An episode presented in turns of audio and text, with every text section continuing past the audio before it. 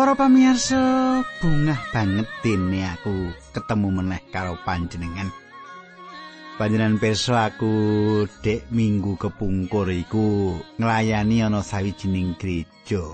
Wah, aku seneng gereja ki ora ana pendetane nanging guyupe kompake wah ngedapi-dapi tenan.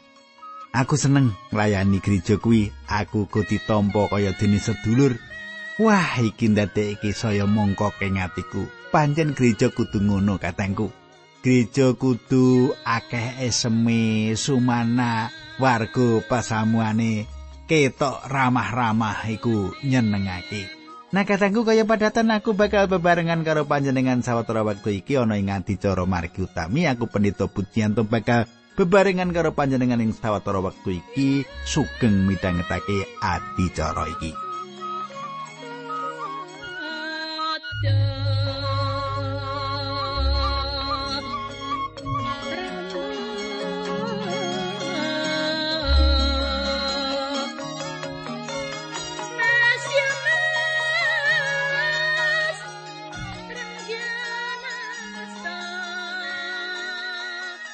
suwun panjenengan isih kelingan apa sing diaturake, ndak ana ing patemon kepungkur kita wis ngekilut yen kabeh pengadilan donya wis dipasrahake Allah Sang Rama marang Gusti Yesus Kristus.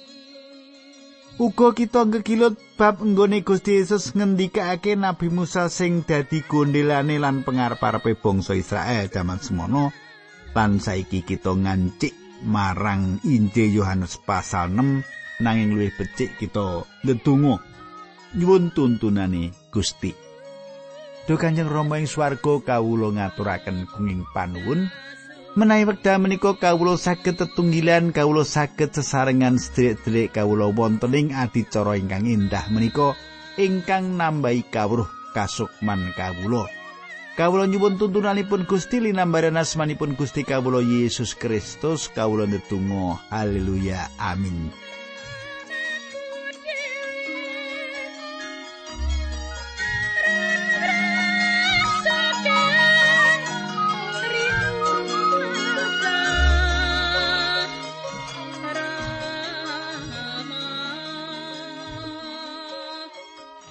Para pamirsa dina iki kita ngancik pasinaon kita ngancik ing pasal 6 saka Injil Yohanes.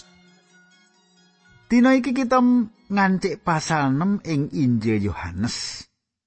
Bakal no kedadian mukjizat Gusti Yesus maringi mangan marang wong 5000. Mukjizat iki ditulis ing kabeh Injil nuli Gusti Yesus nerusake mukjizat iki kanthi keterangan bab roti sing nguripi.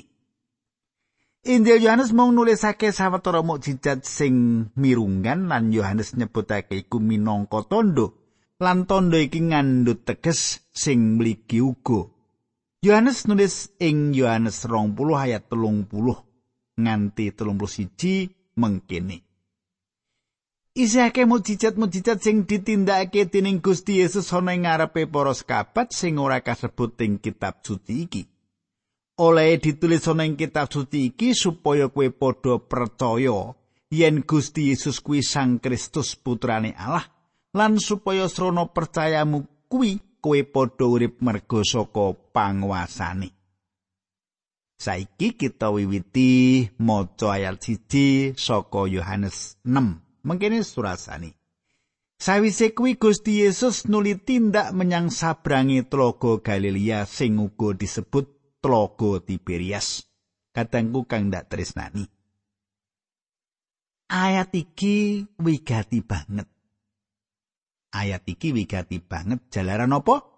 Jalaran ayat iki dadi kunci kabeh isine Injil. Ayat iki dadi kunci kanggo kabeh isine Injil. Saiki ayo padha nyemak lelakon kang ngidapi-dapi Gusti Yesus maringi mangan wong limang ewu cacai. Yo ing lelakon iki sangsaya jelas sangsaya cetha yen panjenengane iku roti sejati sing dadi peparingi Allah marang menungso. Ing ayat iki ana tembung sawise. Sawise apa? Sawise apa sing ditulis ana ing pasal 5? Gusti Yesus wis nilarake Yerusalem lan malah wis tekan ana ing sawetara kali Yordan. Saiki panjenengane nyabrang tlaga Galilea lan wis tekan ing tlatah Israel ing sisih lor. Lelakon iki wetara 6 sasi tekan setahun saka lelakon ing pasal 5 dadi kira-kira setahun sadurunge Gusti Yesus sedo kasalib. Cara nemtokake wektu lelakon iku kanthi nliti dina riyaya sing disebutake ing Injil Yohanes iki. kita wis padha ndeleng yen Yohanes kanthi tliti nulisake Injil iki digathokake karo kalender Yahudi lan keterangan papan panggonan. Gusti Yesus sing rawuh saka kamulyaning swarga, Sang Sabda sing manjalma dadi menungsa, ya panjenengane sing yasa kemah pribadine ing antaraning kita. panjenengane uga sing tedhakan ana saklumahing banyu tlaga Galilea tindak menyang Kana, nuli Nasaret, Kapernaum, Yerusalem, Dekapolis lan liya-liyane banjur katulisake ing Yohanes 6 ayat 4 nalika semono ngarepake Paskah riyayane wong Yahudi. Katangku, dadi wis jelas yen Gusti Yesus wis kondur menyang Galilea. Jalaraning pasal 5, panjenengane wis ana Yerusalem lan wis tindak ing lawange gapura tempe. Iki ateges ana lumpatane wektu antarane pasal 5 lan pasal 6 nalika panjenengane nyabrang tlaga Galilea. Ayat loro saka Injil Yohanes 6 mengkene surasane akeh wong sing nderekake panjenengane sebab wis padha ndeleng mukjizat sing ditindakake dening Gusti Yesus nalika panjenengane marasake wong-wong loro. Katengku wong akeh iku ora percaya kanthi temenan marang Gusti Yesus kanthi iman sing milu jengake. Wong-wong iki ora duweni iman marang panjenengane. Wong-wong iki ketarik ngetut buri Gusti Yesus jalaran bisa ndadekake uripe luwih becik. kersane Gusti Yesus iku ora arep mulihake kahanan kajasmanen kita. Kersane supaya kita ndadekake Gusti Yesus Gustine ati kita. Mula saka iku Yohanes saka wiwitane kandha yen ora perlu menungso padha nyeksekake bab manungsa jalaran Gusti Yesus perso kabeh atine menungso. Yohanes 6 ayat selawi. Gusti Yesus ora bakal ngendika bab diri pribadine marang wong akeh nalika padha nglumpuk sing ana Yerusalem. Lan panjenengane ora kersa pasrah marang wong sing padha nglumpuk wektu iku. Wong-wong iku mung padha kepengin ndeleng enggone Gusti Yesus nindakake mukjizat-mukjizat. Yohanes 6 ayat telu.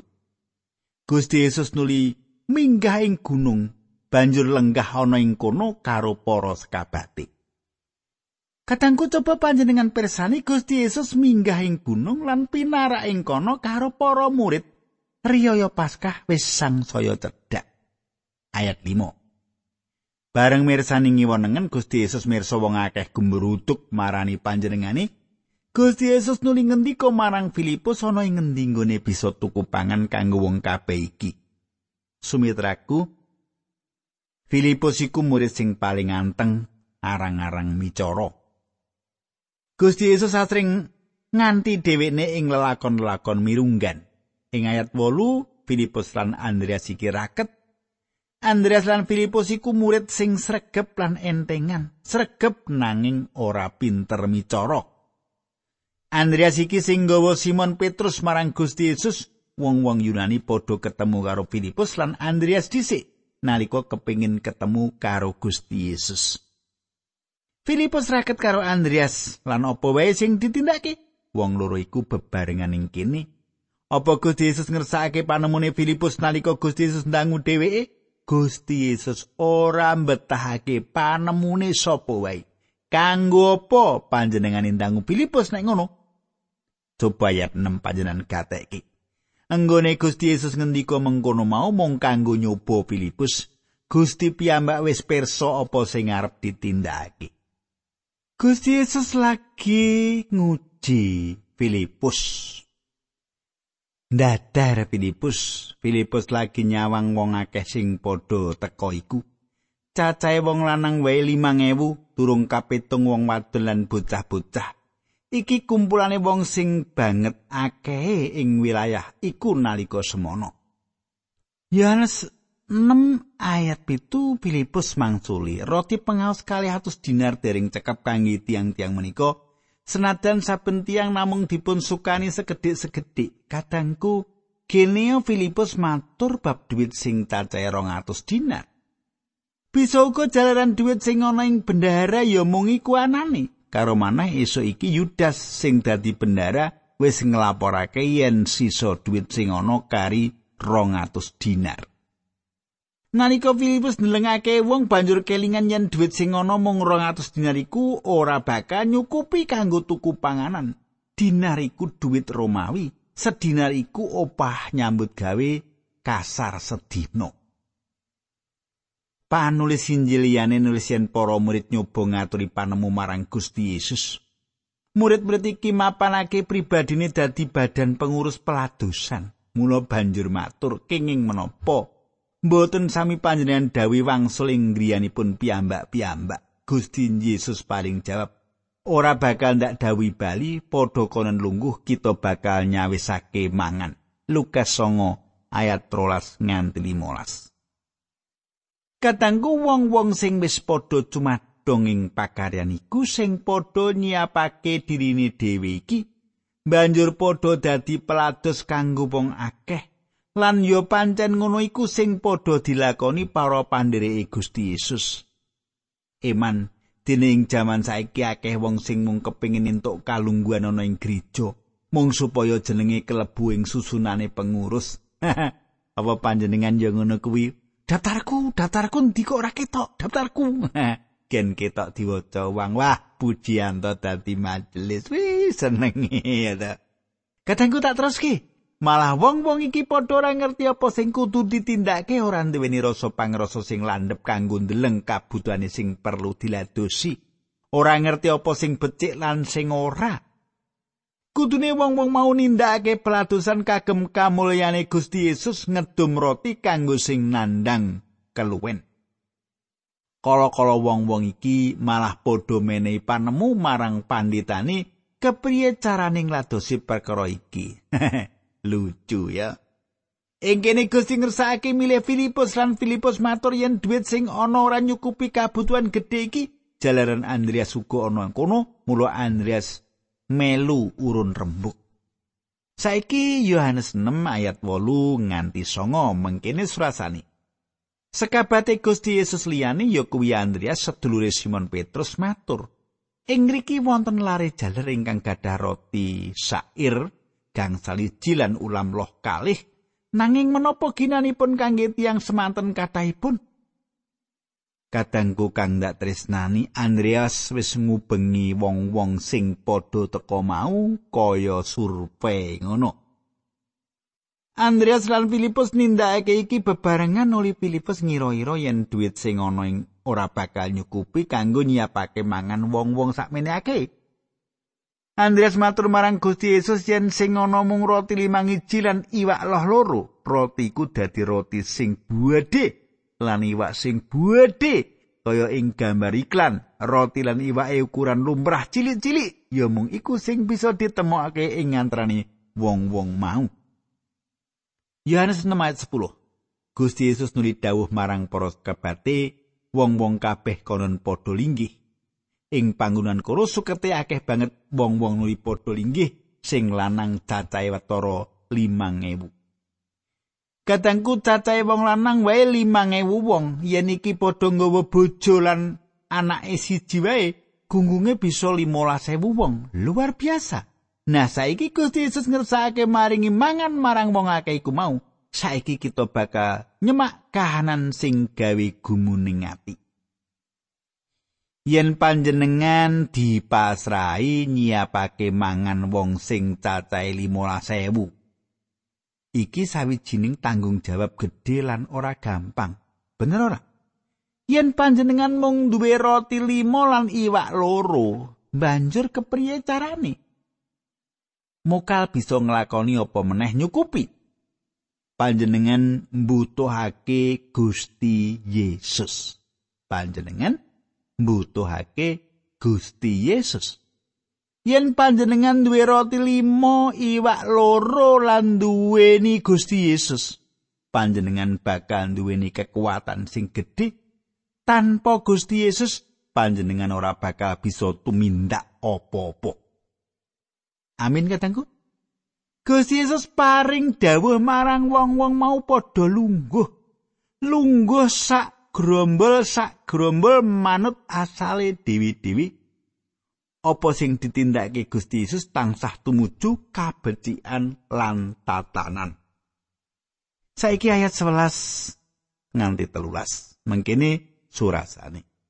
Gusti Yesus mundut roti mau, banjur saus syukur marang Gusti Allah, nuli ngedum-edum marang sing padha linggih ana ing kono mangkono uga iwake wong kabeh padha mangan nganti warek. Gusti Yesus ngendika marang para sekabate sisane padha klumpukna aja ana setitik wae sing dibuang. Para sekabat nuli njupuki sisa-sisa mau kabeh bareng diwadahi dadi rolas trinjing kebak semono sisane roti saer limo lan iwak loh loro sing dipangan dening wong-wong mau. Kadangku ana sing duweni palemu yen murid-murite Gusti Yesus wis nyiapake roti sing akeh banget dhisik. Disimpen ning jerone guwa. Banjur kaya wong sulapan, Gusti Yesus wekasane bisa maringi mangan wong 5000 iku. Oleh ana panemu iku mau, jalaran ora percaya Enggone ora percaya iku jalaran moka yen roti limo lan iwak loro cukup kanggo wong limang ewu. Panjenengan kudu duweni iman sing luwih gedhe ketimbang apa sing ditulis sing kitab suci. Coba panjenengan penggali. Ing jaman iku apa ana toko roti sing bisa nyiapake roti kanggo mangan limang ewu wong cacahe. Lan nyiapake iwak kanggo wong limang ewu uga. Kanggo nyukupi kabutuhan roti lan iwak wong limang ewu mau bisa kelakon nalika semono. Kanggo nyukupi kabetan roti lan iwak wong 5000 kuwi bisa kelakon nalika semono ya mung kanthi tumindak mukjizat. Ora ana meneh. Kaya sing wis ndak aturake mau yen panjenengan duwe roti limo lan iwak loro ditambah duweni Gusti Yesus, panjenengan bakal isih duweni turahan rolas keranjang roti. Rolas keranjang roti sing durung didumake marang wong-wong mau. ing wilayah iku asring ngalami pailah dadi nggone mangan wong-wong mau bisa entek akeh malah ana uga sing lagi sepisan iku duweni pengalaman mangan swargi lan roti isih turah-turah apa sing ditindakake Gusti Yesus kelakon kanthi marmake lan sampurno ayat 14 nganti 15 mengkene surasane. Bareng wong akeh mau weruh kaeloan sing ditindakake dening Gusti Yesus nuli padha muni nyoto iki sang nabi sing rawe kita anti-anti. Sarene Gusti Yesus pirsa yen wong-wong mau arep meksa ngangkat panjenengane dadi ratu, Gusti Yesus nulis sumingkir sarta minggah gunung meneh piyambakan. Kadangku wong-wong padha ngetotake Gusti Yesus jalaran panjenengane bisa nindakake mukjizat. Mula Gusti Yesus kudu nindakake mukjizat liyane. supaya panjenengane bisa nilarake panggonan iku.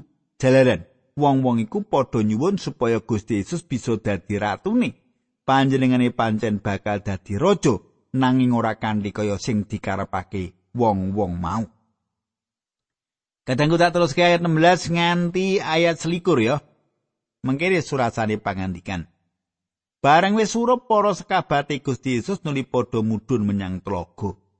banjur padha merau arep nyabrang menyang kutha Kapernaum nalika semana wis bengi ewa semana Gusti Yesus durung rawuh Kocapo ombake tlaga saya gedhe sebab angin sang saya banter bareng para sekabat nggone nunggang prau kira-kira wis oleh papat tekan 5 km dumadakan padha weruh Gusti Yesus tindak napa ing banyu nyedaki praune para sekabat padha wedi banget nanging Gusti Yesus ngendika Aja padha wedi iki aku dhewe.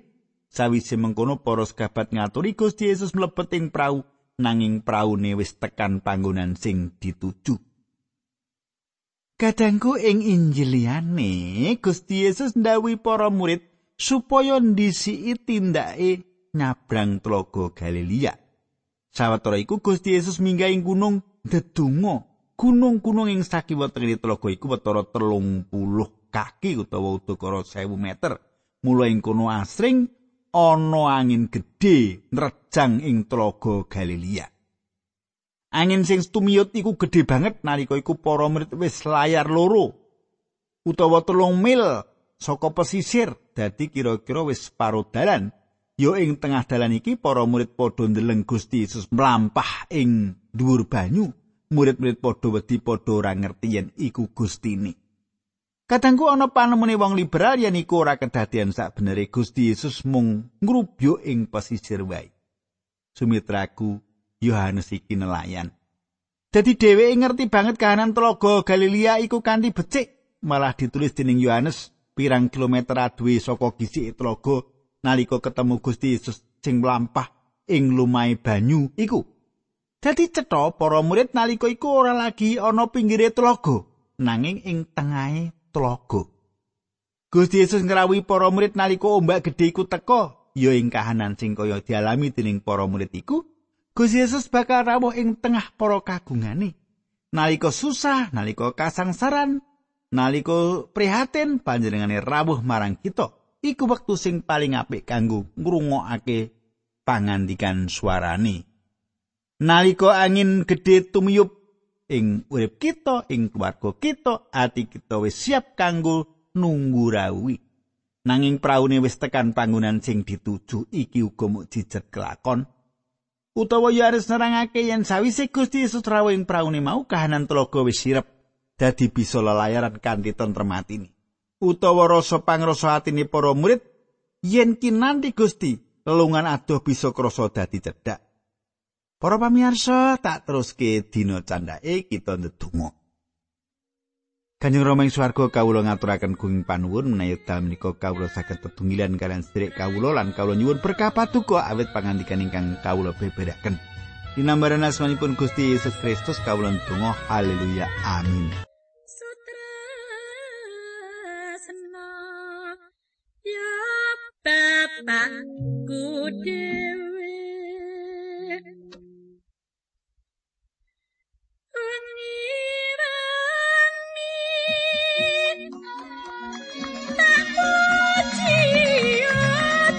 Yeah.